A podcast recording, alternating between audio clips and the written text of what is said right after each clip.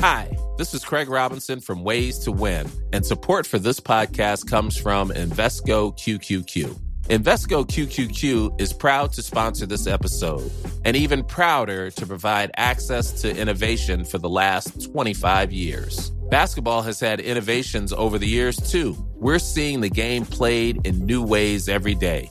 Learn more at Invesco.com slash QQQ. Let's rethink possibility. Invesco Distributors, Inc. Many of us have those stubborn pounds that seem impossible to lose, no matter how good we eat or how hard we work out. My solution is PlushCare. PlushCare is a leading telehealth provider with doctors who are there for you day and night to partner with you in your weight loss journey. They can prescribe FDA-approved weight loss medications like Wagovi and Zepbound for those who qualify. Plus, they accept most insurance plans. To get started, visit plushcare.com slash weight loss. That's plushcare.com slash weight loss. Quality sleep is essential. That's why the Sleep Number Smart Bed is designed for your ever-evolving sleep needs. Need a bed that's firmer or softer on either side? Helps you sleep at a comfortable temperature? Sleep Number Smart Beds let you individualize your comfort so you sleep better together. JD Power ranks Sleep Number number 1 in customer satisfaction with mattresses purchased in-store. And now, save 50% on the Sleep Number limited edition Smart Bed for a limited time. For JD Power 2023 award information, visit jdpower.com/awards. Only at a Sleep Number store or sleepnumber.com. Holly Bobo var en 20-årig sjuksköterskestudent som bodde tillsammans med sin familj i det lilla samhället Darden i Tennessee. Hon hade en pojkvän sedan ett par år tillbaka som hon planerade att gifta sig och bygga upp ett liv tillsammans med. Men alla de här framtidsplanerna togs plötsligt ifrån henne den 13 april år 2011. Den här morgonen blev Holly nämligen bortförd av en okänd kamouflageklädd gärningsman från familjens egen bakgård och hennes bror Clint blev dessutom vittne till den här händelsen. Det här startade igång en enorm sökinsats, men det skulle dröja flera år innan man hittade hennes kvarlevor och ännu ett par år innan den eller de skyldiga faktiskt dömdes för de här handlingarna.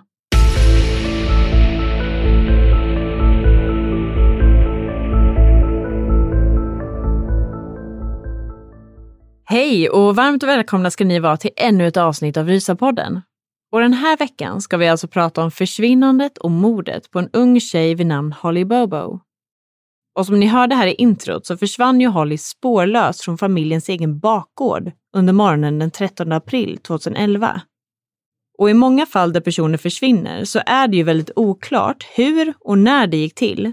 Men i det här fallet så var det ju faktiskt så att hennes egen bror blev vittne till själva bortförandet. Ja, och det här fallet har ju fått en hel del medial uppmärksamhet, både lokalt och internationellt.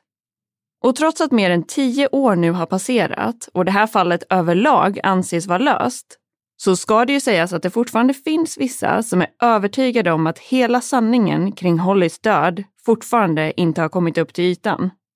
Ja, och på ett sätt så kan man ju faktiskt förstå den här misstanken. För det finns ju fortfarande en hel del frågetecken och framförallt så är ju det här ett fall med väldigt lite forensisk bevisning. Men allt det här kommer vi såklart att komma in på lite senare. Så jag tycker helt enkelt att vi tar och kör igång med veckans avsnitt nu på en gång.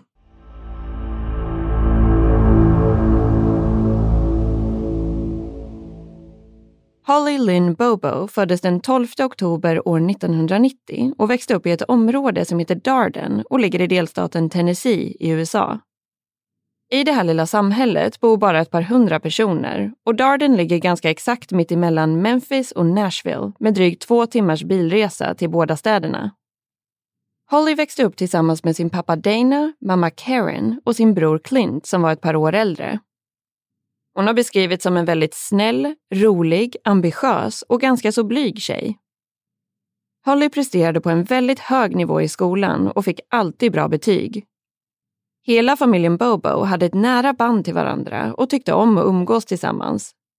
De var bland annat väldigt aktiva i den lokala kyrkan och brukade gå på gudstjänsterna ihop varje söndag. Men sen kom den tidpunkten då allt skulle komma att förändras för familjen Bobo och hela deras tillvaro skulle vändas upp och ner. Mer exakt var det här i april år 2011. Vid den här tidpunkten var Holly 20 år gammal och skulle fylla 21 senare samma år. Hon hade bestämt sig för att hon ville arbeta inom vård och omsorg och studerade därför till sjuksköterska vid University of Tennessee.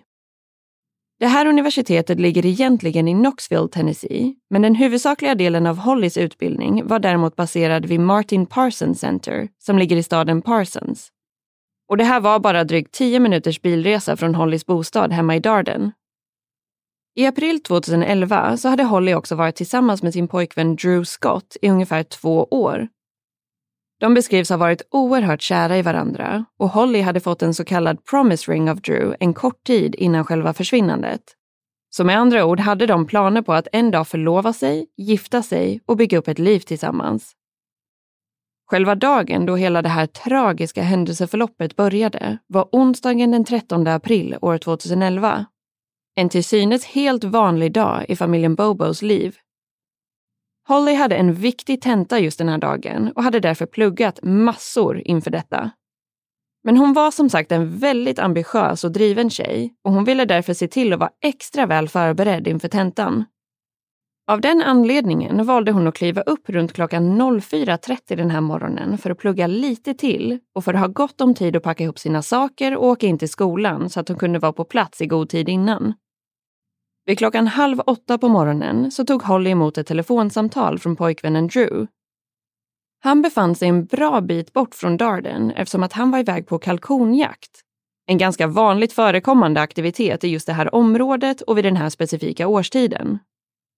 Platsen där Drew befann sig den här morgonen var mer exakt på ägor som tillhörde Hollys mormor. Vid något tillfälle så ska han dock ha blivit ifrågasatt kring varför han befann sig där och han ska därför ha ringt upp både Holly och hennes mamma Karen för att dubbelkolla att han verkligen hade tillåtelse att jaga i det här området. Så av den anledningen visste även Karen om att Drew var ute och jagade kalkon och exakt vilket område han befann sig i. Man har också kunnat bekräfta att Holly tog emot ett telefonsamtal från Drew vid klockan 07.30 den här morgonen och att de då pratade en stund med varandra. Vid det här laget så hade också båda föräldrarna hunnit lämna hemmet för att åka iväg till sina respektive jobb. Hollys bror Clint däremot var fortfarande kvar hemma och låg och sov. Det här tillhörde dock inte vanligheterna eftersom att han normalt också brukade bege sig iväg till skolan runt den här tiden. Men enligt uppgift så ska han ha haft en inställd lektion just den här morgonen och valde därför att unna sig lite sovmorgon. Vid klockan 07.42 ringde Holly det sista registrerade utgående samtalet från sin mobiltelefon. Det här samtalet uppges ha varit till en tjej som hon pluggade tillsammans med och som också skulle skriva samma tenta den här dagen. Vi har dock inte kunnat hitta så jättemycket information om exakt vad som sades under det här samtalet och hur Holly verkade må, men det verkar inte ha varit något speciellt konstigt med det i alla fall. Men efter det här samtalet så finns det bara inkommande samtal och sms till Hollys mobil och samtliga är då obesvarade. Någon gång runt den här tiden så finns det även ett vittnesmål från en granne i området. Det ska dock sägas att det här var lite ute på vischan så att säga, så husen låg en bra bit bort från varandra och det var med andra ord inte en granne som bodde precis bredvid. Men den här grannen ska i alla fall ha hört ett högt och oroväckande skrik och kände sig då rätt säker på att det kom från någonstans runt familjen Bobos bostad. Han ringde då upp sin mamma och berättade om vad han hade hört och hon i sin tur ringde sedan upp Hollys mamma Karen för att informera henne om situationen. Det här ska ha varit vid klockan 07.46. Och Karen hade ju åkt iväg till jobbet en ganska kort stund innan det här och ska därför till en början ha blivit både förvånad och förvirrad över den här informationen. I samma veva, runt klockan 07.50, så ska Clint ha vaknat upp hemma i sovrummet av att familjens hundar skällde. Han kikade då ut genom fönstret och fick syn på Holly ute vid uppfarten vid garaget. Och bredvid henne stod en man som var klädd i kamouflagemönstrade kläder. Han kunde dock inte se exakt vem det var, men eftersom han visste att det var jaktsäsong och att Hollys pojkvän Drew ofta var ute och jagade så antog han helt enkelt att det var han som stod där. Enligt Clints vittnesmål så pratade Holly och mannen med varandra på ett sätt som fick honom att tro att de bråkade eller diskuterade någonting. Hans initiala reaktion och antagande var därför att Holly och Drew kanske höll på att tjafsa och göra slut med varandra. Clint kunde däremot inte höra några specifika fraser kring vad de sa. Och det enda han kände sig säker på att ha hört var när Holly sa orden “No, why?” Alltså nej, varför? Han har däremot beskrivit att mannen, som han antog var Drew, pratade allra mest och att Holly bara verkade svara tillbaka lite här och där under samtalet. Han noterade också att hans syster verkade ganska så upprörd och det var därför han antog att de kanske höll på att göra slut med varandra. Under tiden som Clint noterade Holly och den mannen han trodde var Drew utanför huset så ringde Karen hem till bostaden. Hon hade ju precis fått reda på att en granne hade hört ett skrik tidigare och ville därför bara säkerställa att allt var okej där hemma. Clint berättade då för sin mamma att Holly och Drew stod utanför huset och att det verkade som att de bråkade. Karen insåg då direkt att någonting inte stämde med den här situationen. Dels visste hon om att Holly hade en tenta den här morgonen och att hon därför redan borde ha åkt iväg till skolan vid det här laget. Utöver det så visste ju Karen också att Drew fortfarande var ute och jagade kalkon och dessutom inte skulle vara hemma på ett bra tag. Hon blev därför mer eller mindre panikslagen och sa sen till Clint i telefonen att det där är inte Drew. Ta fram geväret och skjut honom. Clint ska då i sitt nyvakna och förvirrade tillstånd ha frågat vad då vill att jag ska skjuta Drew? Han hade ju nämligen inte lika bra koll på läget som Karen och var fortfarande ganska så övertygad om att det var Drew som stod där ute på uppfarten. Kort efter det här, runt klockan 07.55, så valde Karen att ringa till larmcentralen. Men på grund av att hon befann sig på jobbet så råkade hon först kopplas fram till fel regions växel, vilket såklart gjorde att hon förlorade lite tid. Under tiden som Karen höll på att ringa larmcentralen så noterade Clint att Holly och den här kamouflageklädda mannen började gå mot skogsområdet som låg i närheten av bostaden. I samband med det här så insåg Clint för första gången att det faktiskt kanske inte var Drew och att hans kroppsbyggnad och längd inte riktigt stämde överens med hur Drew såg ut. Enligt Clints vittnesmål så ska de ha gått mot skogen i ett ganska lugnt och sansat tempo och det såg egentligen inte speciellt våldsamt eller hotfullt ut. Däremot verkade det som att mannen ledde Holly framåt, även om han inte direkt puttade eller drog henne. Clint försökte sedan att ringa till både Holly och Drews mobiltelefoner, men ska då inte ha fått något svar. Ett par minuter senare, runt klockan 8.00, så ringde Karen hem till bostaden igen och pratade med Clint. Han berättade då om vad han precis hade sett och att mannen och Holly hade gått ut mot skogsområdet tillsammans Karen sa då att han också skulle ringa till polisen och informera om situationen. Clint begav sig sedan ut för att leta efter Holly med ett laddat gevär i handen. När han kom ut till garageuppfarten så noterade han spår av blod på marken. Clint, som fortfarande inte hade lika mycket panik som sin mamma, tänkte då att om det var Drew som var tillsammans med Holly så kanske han hade tagit med sig en av kalkonerna som han hade skjutit för att visa upp för henne. Och att det alltså var blod från en död kalkon på marken. Det här känns ju såklart lite långsökt, men samtidigt så kanske Clint helt enkelt försökte rationalisera situationen på alla sätt han kunde eftersom han inte ville misstänka det värsta tänkbara scenariot. Man kunde dock senare bekräfta att det här blodet var från Holly. Kort efter det här så anlände polisen till familjen Bobos bostad Redan vid det här laget hade också Hollys klasskamrater börjat bli oroliga och misstänka att någonting hade hänt henne. Det var ju nämligen väldigt olikt Holly att inte dyka upp till skolan utan någon som helst förklaring. Speciellt en dag när de hade en viktig tenta inbokad. När polisen väl kom fram så noterade de också blodfläckarna ute vid garageuppfarten. Enligt uppgift ska man ha upptäckt runt 50 olika blodfläckar av olika storlek och den största fläcken, eller pölen, beskrivs ha haft ungefär samma diameter som ett äpple. Utöver det så var blodet fortfarande blött och färskt när polisen kom fram till bostaden. Och redan här tåls det att nämnas att olika typer av kidnappningar och bortföranden var extremt ovanligt i det här området. Darden var som sagt ett väldigt litet samhälle där alla mer eller mindre kände varandra. Men som på de flesta mindre orter så fanns det såklart en del personer som hade hamnat på en mer kriminell bana i livet. Och vissa personer som istället jobbade otroligt hårt och försökte bygga upp ett bra och stabilt liv. Men den typen av brott som begicks i det här området brukade främst handla om stöld, inbrott eller droger. Så grövre typer av brott som kidnappning eller mord var som sagt inte speciellt vanligt alls i det här lilla samhället. Till en början var därför den första reaktionen att det kändes helt otänkbart att någon skulle ha kidnappat Holly och att det helt enkelt måste finnas en logisk förklaring till hennes försvinnande. Men oron växte sig allt starkare för varje timme som passerade och ganska snabbt började det samlas en hel del folk utanför bostaden. Dels alla poliser, men också oroliga grannar, personer från kyrkan, vänner, familj och bekanta som på ett eller annat sätt ville hjälpa till i sökandet efter Holly. Och det här var ju såklart väldigt fint och omtänksamt. Men på ett sätt kan man ju också tänka att det inte var helt optimalt utifrån ett forensiskt perspektiv. Holly försvann ju nämligen från precis utanför bostaden. Så faktumet att det nu var fullt av människor där ute kan ju eventuellt ha förstört någon form av bevis eller kanske ett fotspår som kunde ha varit värdefullt att ha bevarat. Men som sagt var Hollys familj, polisen och hela samhället i chock vid det här laget. Så man kan ju såklart förstå att alla bara försökte göra det de kunde för att hjälpa till. Omfattande sökinsatser sattes igång ganska så direkt och både polis, anhöriga och hundratals volontärer från Darden och andra närliggande städer sökte igenom skogsområdet som Holly sågs vid senast. Man hade bland annat personer som sökte till fots, på hästar och på fyrhjulingar.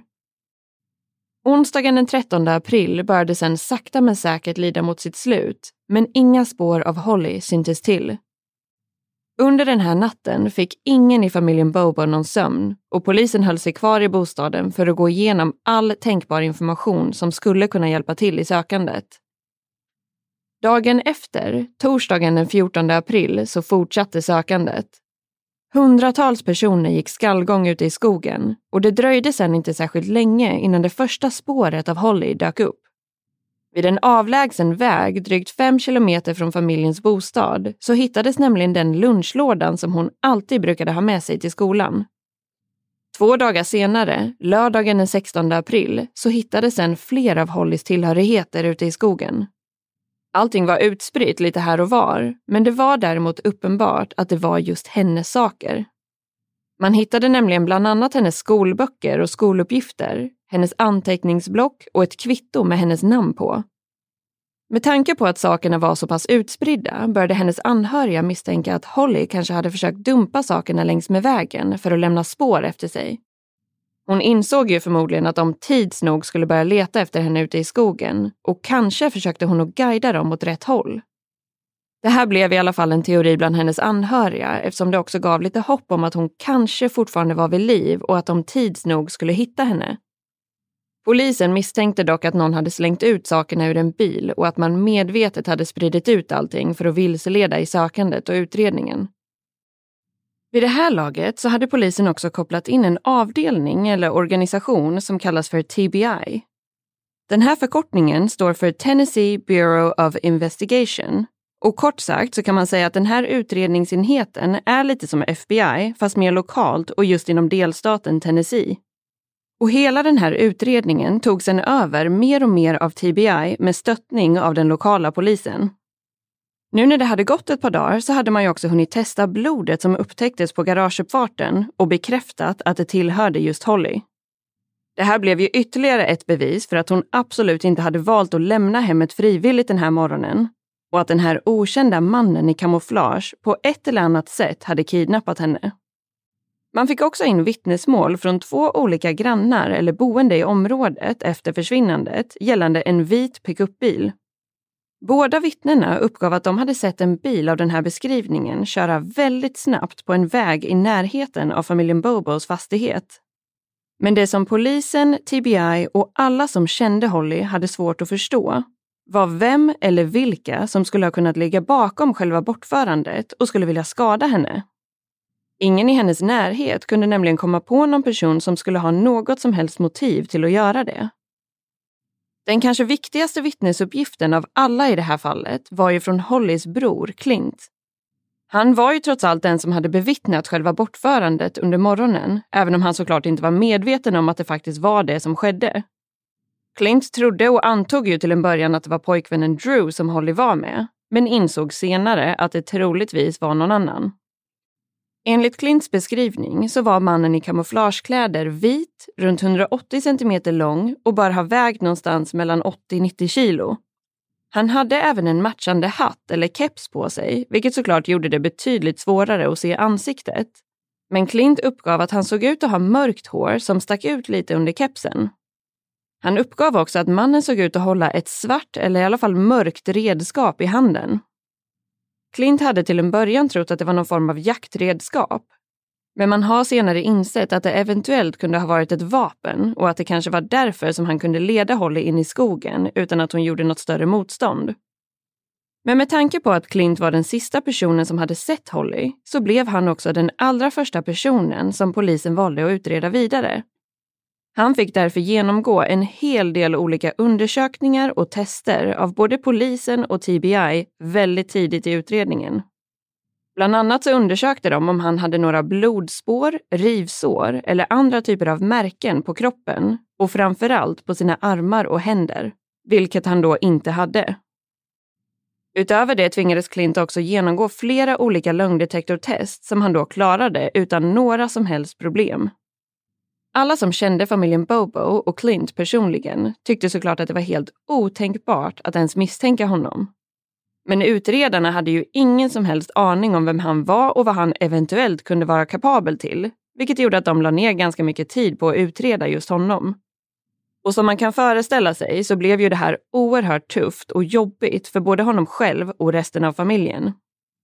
Men samtidigt så var ju han den sista personen som hade sett Holly i livet och det är ju därför ganska så logiskt och fullt rimligt att polisen och TBI skulle vilja utreda honom för att också kunna utesluta honom ordentligt. Men tids nog så blev man väldigt säker på att Clint inte hade något som helst att göra med sin systers försvinnande. Nästa person som man bestämde sig för att utreda vidare var Hollys pojkvän Drew som i många andra fall där personer försvinner under mystiska eller oklara omständigheter så är ju ofta partnern en av de första misstänkta. Och så var det även i det här fallet. Utöver det så hade ju Clint uppgett att han till en början hade trott att det var Drew, även om han kanske ändrade sig lite kring detta senare. Drew togs därför in på förhör, men ganska så direkt insåg man att han hade ett vattentätt alibi för morgonen den 13 april och att han omöjligt kunde ha haft någonting att göra med Hollys försvinnande. Dels hade han ju pratat i telefon med både Karen och Holly under morgonen för att dubbelkolla att det var okej att han var ute och jagade på Hollys mormors ägor som låg en bra bit bort. Utöver det så var det flera personer som hade sett honom på plats under tiden som han var ute och jagade och kunde styrka upp hans alibi ytterligare det fanns heller ingenting som tydde på att Drew och Holly skulle ha haft någon form av problem eller utmaningar i sitt förhållande. Utan snarare tvärtom så vittnade alla i deras närhet om hur otroligt förälskade de var och hur bra de hade det tillsammans. Så det dröjde därför inte alls länge innan Drew blev helt friskriven från all form av misstanke i utredningen. Parallellt med det här så fortsatte sökandet efter Holly och till slut så hade man sökt igenom flera hektar och två olika counties, eller län.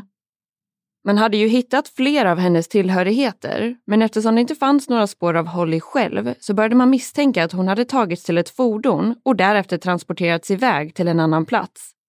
Det började därför kännas mer och mer hopplöst att fortsätta leta efter henne och hoppet om att kunna hitta Holly vid liv minskade för varje dag som passerade. Framförallt också eftersom att det i det här området fanns så otroligt många ställen som man skulle kunna göra sig av med eller gömma en kropp. En sak som utredare började känna sig säkra på var dock att den eller de som låg bakom försvinnandet hade planerat det här ett bra tag. Det här kändes inte som ett slumpartat brott och det verkade som att den eller de skyldiga hade bevakat Holly under en period för att veta när de skulle slå till. Det var nämligen så att hon oftast brukade åka till skolan ungefär runt klockan 07.30 på morgonen och vid den tidpunkten brukade både hennes föräldrar och Clint ha lämnat hemmet redan. Men just den här morgonen så hade ju Clint en inställd lektion och det var ju därför som han ens var hemma och råkade bevittna hela den här situationen och det faktiska bortförandet av Holly. Enligt uppgift så ska dessutom hans bil ha stått parkerad inne i garaget, vilket gjorde att den inte syntes till utanför bostaden. Och för en gärningsperson så verkade det säkert som att han inte var hemma den här morgonen. För om den här kamouflageklädda mannen hade vetat om att Clint var hemma och att han kunde se dem, så skulle han troligtvis inte ha agerat just där och då, utan snarare väntat in ett bättre och säkrare tillfälle.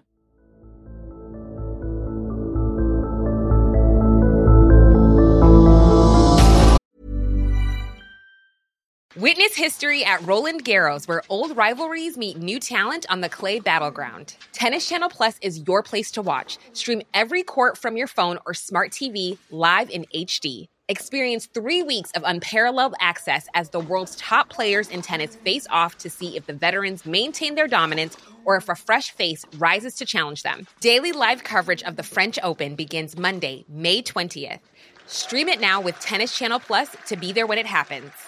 Even on a budget, quality is non-negotiable. That's why Quince is the place to score high-end essentials at 50 to 80% less than similar brands. Get your hands on buttery soft cashmere sweaters from just 60 bucks, Italian leather jackets, and so much more. And the best part about Quince, they exclusively partner with factories committed to safe, ethical, and responsible manufacturing. Elevate your style without the elevated price tag with Quince. Go to quince.com slash upgrade for free shipping and 365-day returns. Quality sleep is essential. That's why the Sleep Number Smart Bed is designed for your ever evolving sleep needs. Need a bed that's firmer or softer on either side? Helps you sleep at a comfortable temperature? Sleep Number Smart Beds let you individualize your comfort so you sleep better together. JD Power ranks Sleep Number number 1 in customer satisfaction with mattresses purchased in-store. And now, save 50% on the Sleep Number limited edition Smart Bed for a limited time. For JD Power 2023 award information, visit jdpower.com/awards. Only at a Sleep Number store or sleepnumber.com.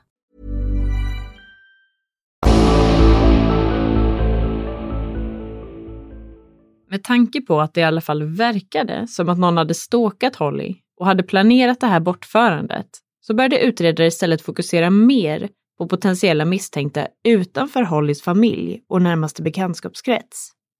De började framför allt med att undersöka olika kända sexualförbrytare i området och landade ganska direkt på en man som hette Terry Britt. Han var en dömd våldtäktsman med flertalet olika sexualbrott i sitt register och var dessutom känd för att ha stalkat just unga blonda kvinnor i området. Och man kan ju såklart undra varför och hur den här mannen ens fick vara ute på fri fot vid den här tidpunkten. Men med tanke på att han inte satt i fängelse så får man väl anta att han hade avtjänat sitt straff vid det här laget. Men Terry Britt bodde i alla fall relativt nära familjen Bobos bostad och han passade in ganska så väl på personbeskrivningen från Clint gällande mannen i kamouflagekläder. Terry hade normalt lite halvlångt mörkt hår, men kort efter Hollys försvinnande så ska han enligt uppgift ha klippt det kortare. Polisen och TBI började därför utreda Terry bara några dagar efter Hollys försvinnande. Med tanke på att Hollys mobiltelefon inte var kvarlämnad i bostaden så antog man att hon hade haft den med sig under bortförandet. Utredare försökte därför att spåra eller pinga mobiltelefonen för att försöka få en bild av vilket håll hon, eller i alla fall hennes telefon, kan ha begett sig.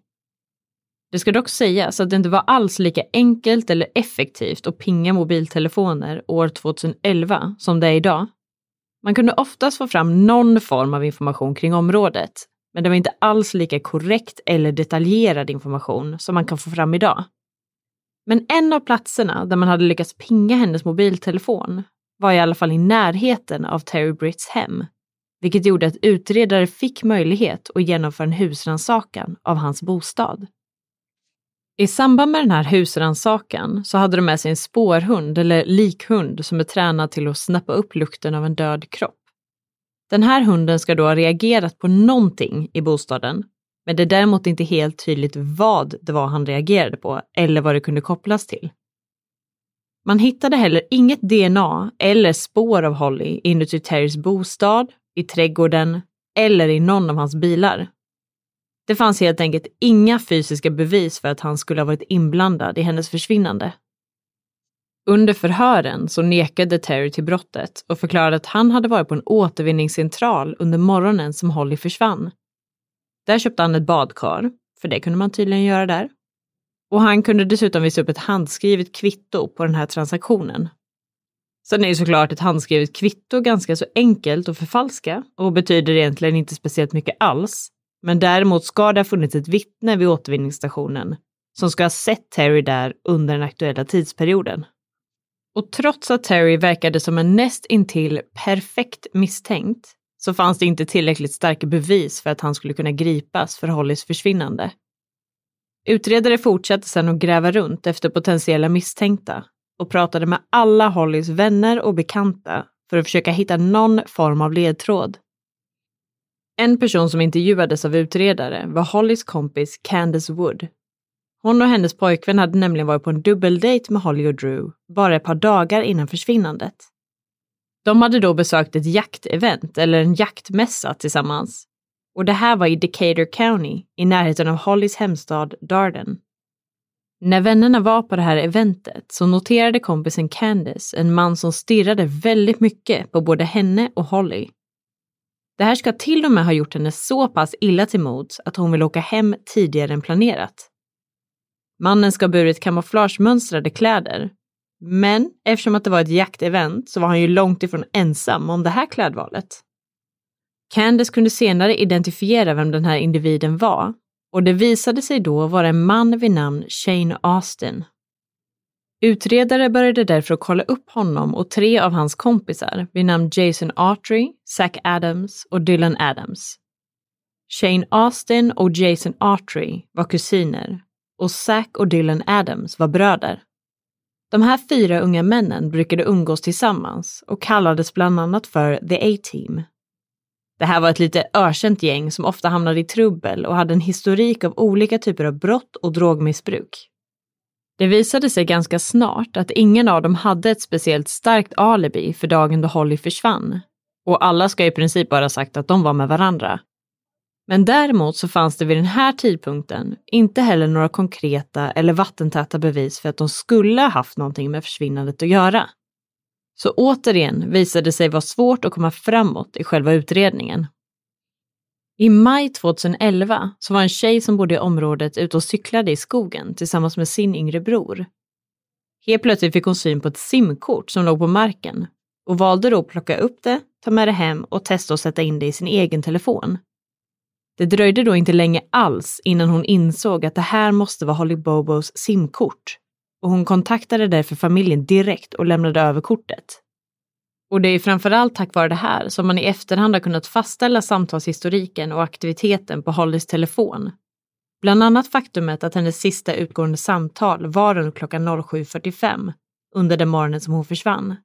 Och att det efter det bara är inkommande samtal och sms från personer som har försökt nå Holly utan resultat. Kort efter att man hittade simkortet så hittades även själva mobiltelefonen. Den hittades däremot på en annan plats, så med andra ord så hade man troligtvis valt att separera simkortet och telefonen och dumpa dem på olika platser för att förvirra och vilseleda i sökandet och utredningen. Men fortfarande fanns det inga som helst spår av Holly själv, Tiden fortsatte passera och trots att polisen, hennes anhöriga och allmänheten gjorde allt de kunde för att hålla fallet vid liv, så kändes det mindre och mindre troligt att man någonsin skulle få veta vad som hände Holly den där morgonen. Polisen och TBI fick kontinuerligt in massa tips från allmänheten, men ingenting som faktiskt ledde någon vart. Drygt två år senare, i slutet av september 2013, så blev Dylan Adams gripen av polisen för andra orelaterade anklagelser. Det här var ju alltså en av de fyra unga männen som var med i det här gänget som kallades A-team och som utreddes av polisen i ett tidigare skede.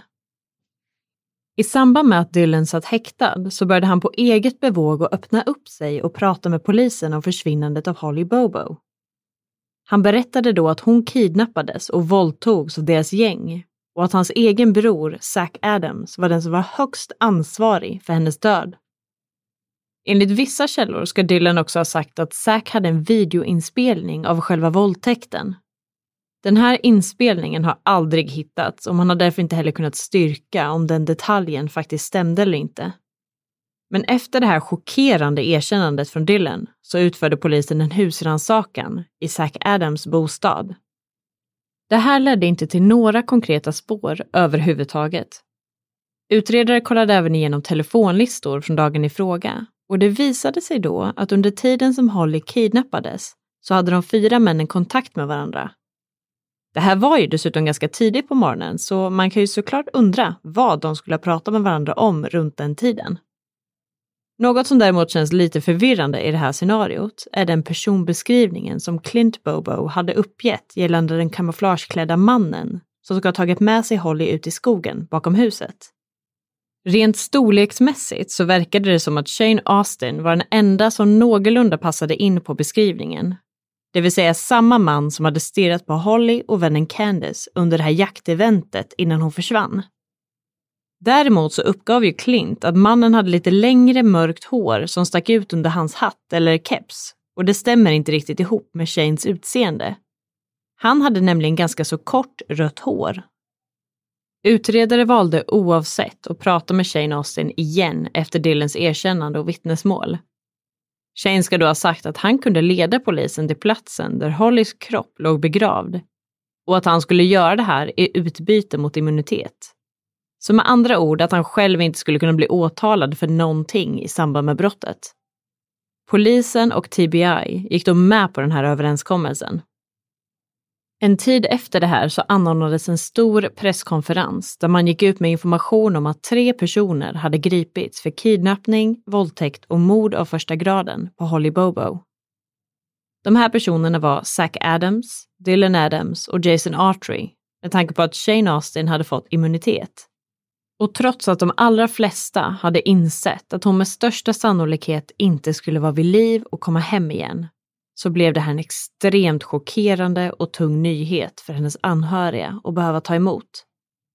För även om man inte hade hittat själva kroppen ännu, så bekräftade ju det här uttalandet det värsta tänkbara scenariot.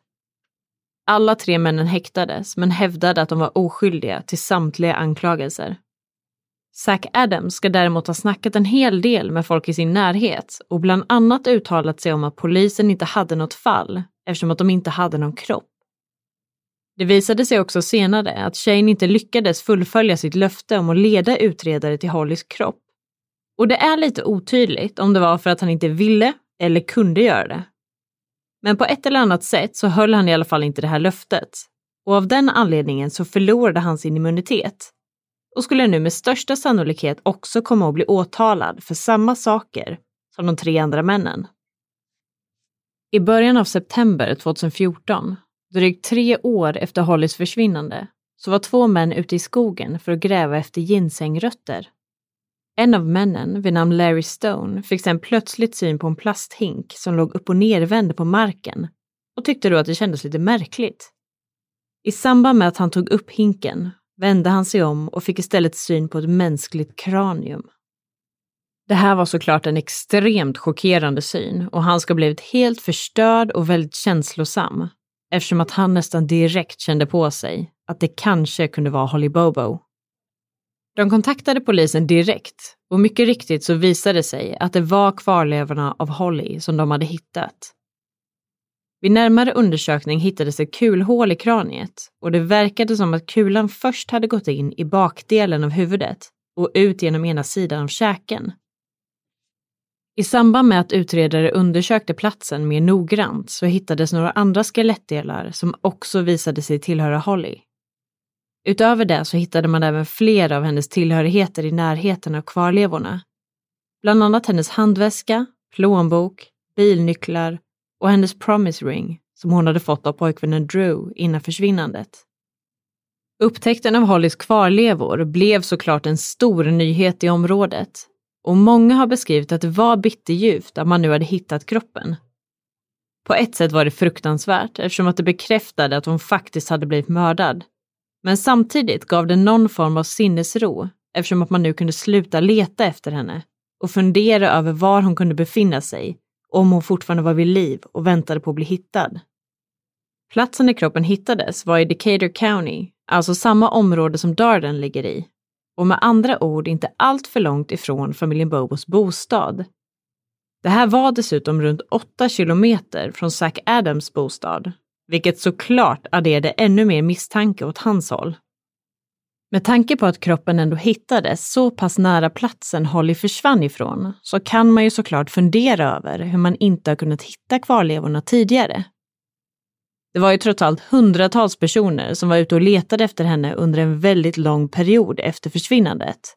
Och man hittade ju då flera av hennes tillhörigheter. Men i samband med den research som vi har gjort om det här fallet så har vi faktiskt inte stött på så många teorier eller förklaringar till hur det här faktiskt kan komma sig. Men i februari 2015, nästan ett halvår efter att Hollys kropp hittades, så hände någonting annat stort i det här fallet. Då hittades nämligen Shane Austin död och det visade sig senare att han hade tagit sitt eget liv. Man vet inte riktigt varför han gjorde det, men det finns en hel del spekulationer om att det skulle ha varit på grund av skuldkänslor och att han visste att han också skulle bli åtalad inom kort med tanke på att han hade förlorat sin immunitet. Drygt två år efter det här, i juli år 2017, så valde Jason Autry att gå med på en juridisk deal för att kunna få ett mildare straff. Han gick då nämligen med på att vittna för åklagarsidan och att vittna mot sin egen vän Zack Adams. Kort därefter, i mitten av september år 2017, så påbörjades Zacks rättegång som sedan pågick i drygt två veckors tid. Under rättegången så vittnade Jason om att han under morgonen den 13 april 2011 tog emot ett samtal från Zack Adams.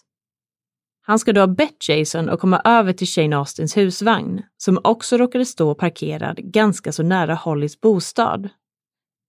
Zack ska ha förklarat för Jason att han verkligen behövde hans hjälp med en grej och Jason ska då ha antagit att det på ett eller annat sätt handlade om droger.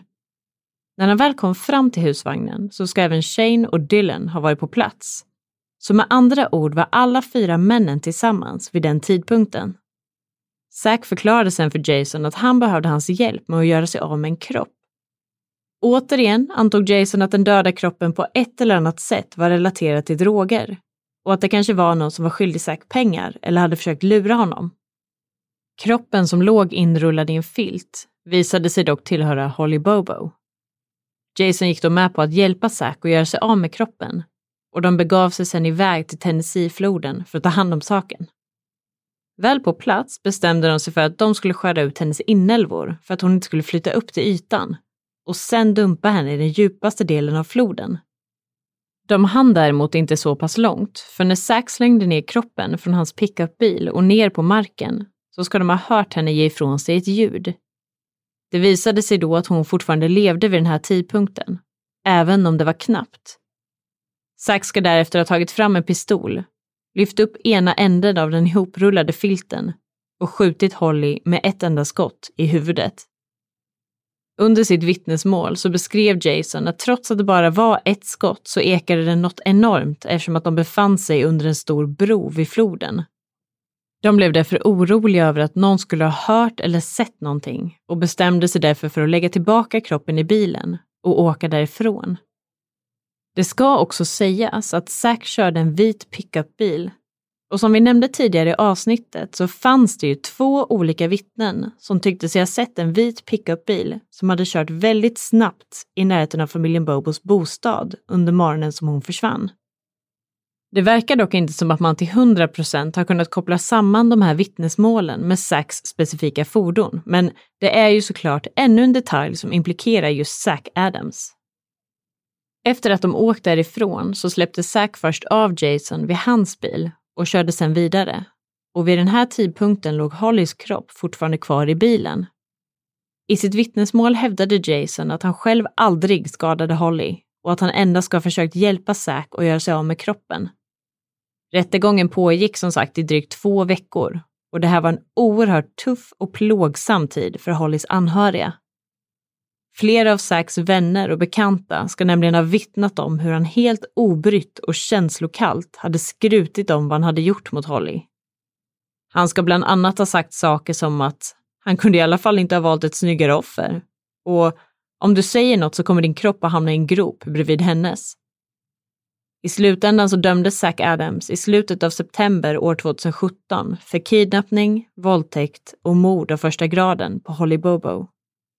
Under rättegången vittnade även Hollys mamma, Karen Bobo. Och det här var, som man kan föreställa sig, ett otroligt känslosamt ögonblick. Hon talade då direkt till Zack Adams och när han kollade bort så sa hon åt honom att se henne i ögonen när hon pratade med honom. Med tanke på att det här ägde rum i Tennessee så var det tal om att Zack skulle kunna dömas till döden eftersom att det fortfarande är lagligt i den delstaten. Men efter att åklagaren överlagt med familjen Bobo så valde man till slut att inte yrka på dödsstraffet. Zack Adams straff blev istället livstid utan möjlighet till frigivning plus 50 år. Hans bror Dylan Adams, som var den av männen som först erkände allting till polisen, lyckades istället få till en så kallad Alfred plea i början av år 2018. Och den här termen nämnde vi ju faktiskt precis i ett annat avsnitt, men det här innebär alltså att man fortfarande hävdar sin oskuld, men att man erkänner sig skyldig ur ett rent juridiskt perspektiv. Dylan tog nämligen tillbaka det här initiala erkännandet efter ett tag och hans försvarsadvokater hävdade dessutom att Dylan hade en hel del inlärningssvårigheter och ett lågt IQ och att polisen hade manipulerat honom och tvingat fram erkännandet från allra första början. Så i slutändan så dömdes Dylan till totalt 35 års fängelse utan möjlighet till villkorlig frigivning, vilket innebär att han inte borde kunna släppas fri för någon gång efter år 2050. Sen kommer vi då till Jason Artry som valde att vittna för åklagarsidan och mot bröderna Adams. Han accepterade också en typ av deal för att kunna få ett lägre straff och han blev sedan dömd till åtta år i fängelse för medverkan till kidnappning och mord. Men med tanke på att Jason redan hade suttit fängslad i flera år i väntan på rättegången så hade han rätt att dra av eller tillgodoräkna de här åren och lyckades därför bli frisläppt redan i september 2020. Det dröjde däremot inte länge alls innan han sen åkte fast igen och då för drog och vapenrelaterade brott. Och utifrån vad vi har kunnat läsa oss till så verkar det som att Jason Artry sitter fängslad idag i väntan på rättegång och för att få sin dom och sitt straff fastställt för de här brotten. Utöver de här fyra männen och den kända sexualförbrytaren Terry Britt så har två andra personer blivit kopplade till det här fallet och för en stund sett som potentiella misstänkta. Det här var två bröder vid namn Jeffrey och Mark Piercy som utreddes under 2014. Utredare valde nämligen att ta in dem på förhör efter att Jeffreys kompis, en kvinna vid namn Sandra King, ska ha påstått att Jeffrey ska ha visat henne en del av en inspelad video där Zack Adams våldtog Holly Bobo. Han ska sedan ha sagt att videon spelades in av hans bror Mark och på så vis blev de båda inblandade. Bröderna blev därför gripna och åtalades för vad som ungefär skulle kunna översättas till medverkan till brott och undanröjande av bevismaterial. Det fanns dock flera saker som inte riktigt verkade stämma med det här vittnesmålet och varken polisen eller TBI har någonsin lyckats hitta videon eller bevisa att varken Jeffrey eller Mark Piercy kände någon av de fyra andra männen eller skulle haft någonting att göra med Hollys försvinnande eller mord. Så av den anledningen så valde man till slut att lägga ner åtalet mot de här två bröderna och deras namn kom aldrig ens upp under Zack Adams senare rättegång år 2017. De allra flesta skulle nog påstå att det här fallet är helt löst och att det med säkerhet var Dylan Adams, Shane Austin, Jason Artry och framförallt Zack Adams som låg bakom kidnappningen, våldtäkten och mordet på Holly Bobo. Och framförallt så är det ju rent juridiskt löst och flera personer har fått straff utdelade för sin inblandning och skuld i det här fallet. Det ska dock sägas att rättegången har kritiserats ganska så hårt Framförallt Zack Adams försvarsadvokater har påstått att åklagarsidan medvetet lät bli att dela med sig av olika typer av bevismaterial och att de gjorde allt de kunde för att fördröja och försvåra rättsprocessen för försvaret. Sen är det ju vissa som fortfarande anser att Dylan eventuellt kan ha blivit tvingad eller manipulerad till att erkänna vissa saker. Och med tanke på att väldigt mycket bygger på hans initiala erkännande så är det ju ganska oroväckande om det skulle ligga någon som helst sanning i den teorin. Utöver det så kan man ju faktiskt konstatera att det inte verkar finnas speciellt mycket forensiska bevis i det här fallet. Som exempelvis DNA, fingeravtryck eller olika typer av fibrer som med säkerhet kan styrka att de här fyra männen och framförallt Zack Adams låg bakom mordet. Utan det mesta verkar ju handla om deras tidigare brottshistorik att de betett sig misstänksamt och skrutit om sitt agerande efter mordet och diverse vittnesmål och erkännanden från olika personer. Däremot vet man ju inte om Dylan Adams eller Jason Autry för den delen är personer som går att lita på. För det är klart att de skulle kunna ljuga eller minnas fel av olika anledningar. Och i alla typer av fall där det inte finns vattentäta bevis som inte på något vis går att ifrågasätta så kommer det troligtvis alltid att finnas andra teorier och spekulationer som fortsätter att florera långt efteråt. Så är det ju även i det här fallet och det finns bland annat många som fortfarande tror att det var den allra första misstänkta personen, Terry Britt, som egentligen är skyldig till bortförandet och mordet på Holly Bobo. Tyvärr kommer vi nog aldrig få veta hela sanningen kring vad som faktiskt hände Holly den där morgonen i april 2011 och hur hela förloppet gick till. Men förhoppningsvis så har man i alla fall tillräckliga bevis för att med 100% säkerhet säga att man har åtalat och fängslat rätt personer och att det inte finns någon som helst risk för att en annan gärningsperson fortfarande går fri där ute någonstans.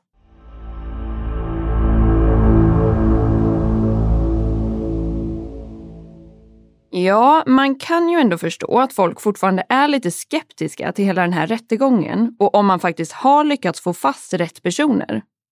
För man ska ju verkligen inte sticka under stolen med att de här fyra männen i fråga inte verkar vara speciellt bra eller ärliga människor.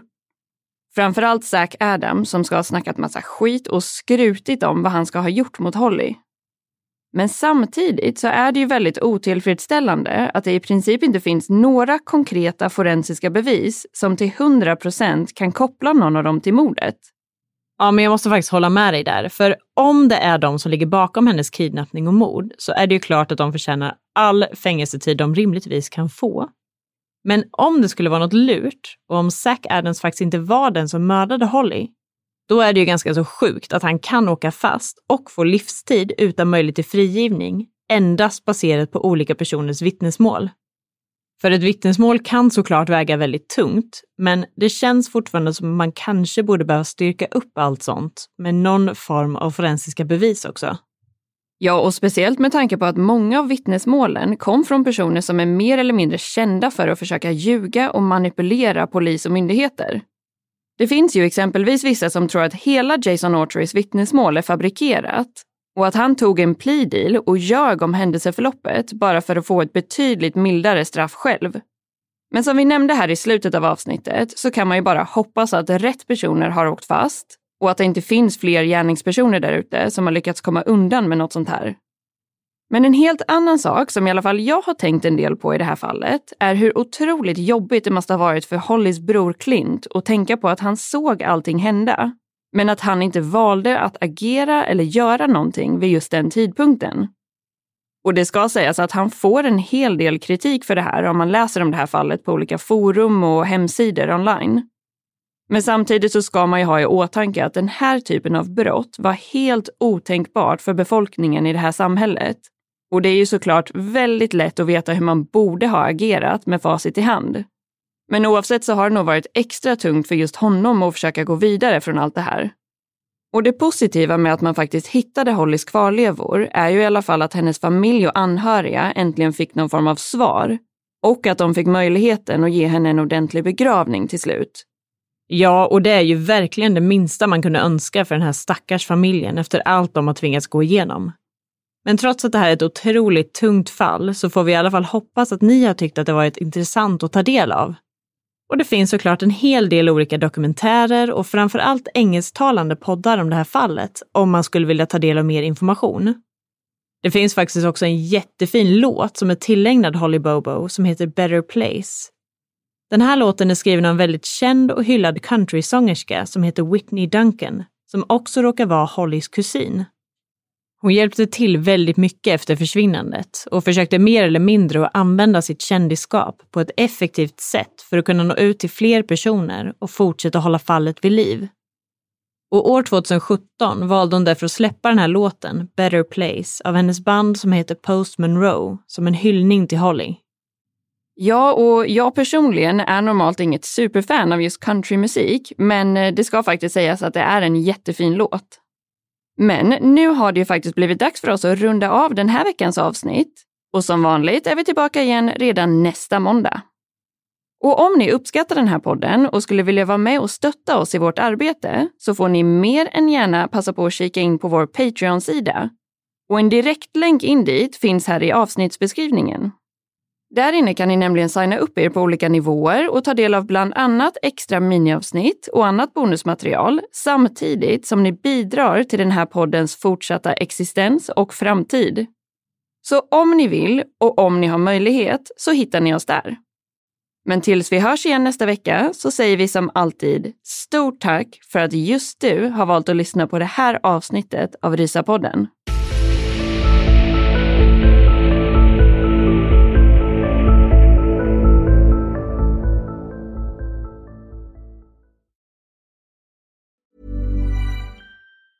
Planning for your next trip? Elevate your travel style with Quince. Quince has all the jet setting essentials you'll want for your next getaway, like European linen, premium luggage options, buttery soft Italian leather bags, and so much more. And is all priced at 50 to 80% less than similar brands. Plus, Quince only works with factories that use safe and ethical manufacturing practices. Pack your bags with high-quality essentials you'll be wearing for vacations to come with Quince. Go to quince.com slash pack for free shipping and 365-day returns. Hold up. What was that? Boring. No flavor. That was as bad as those leftovers you ate all week. Kiki Palmer here, and it's time to say hello to something fresh and guilt-free. Hello Fresh. Jazz up dinner with pecan-crusted chicken or garlic butter shrimp scampi. Now that's music to my mouth. Hello Fresh. Let's get this dinner party started. Discover all the delicious possibilities at hellofresh.com. Hey, it's Paige DeSorbo from Giggly Squad. High quality fashion without the price tag. Say hello to Quince.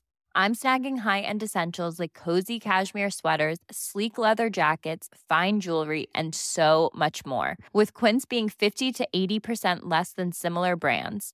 And they partner with factories that prioritize safe, ethical, and responsible manufacturing. I love that. Luxury quality within reach. Go to quince.com slash style to get free shipping and 365 day returns on your next order. Quince.com slash style.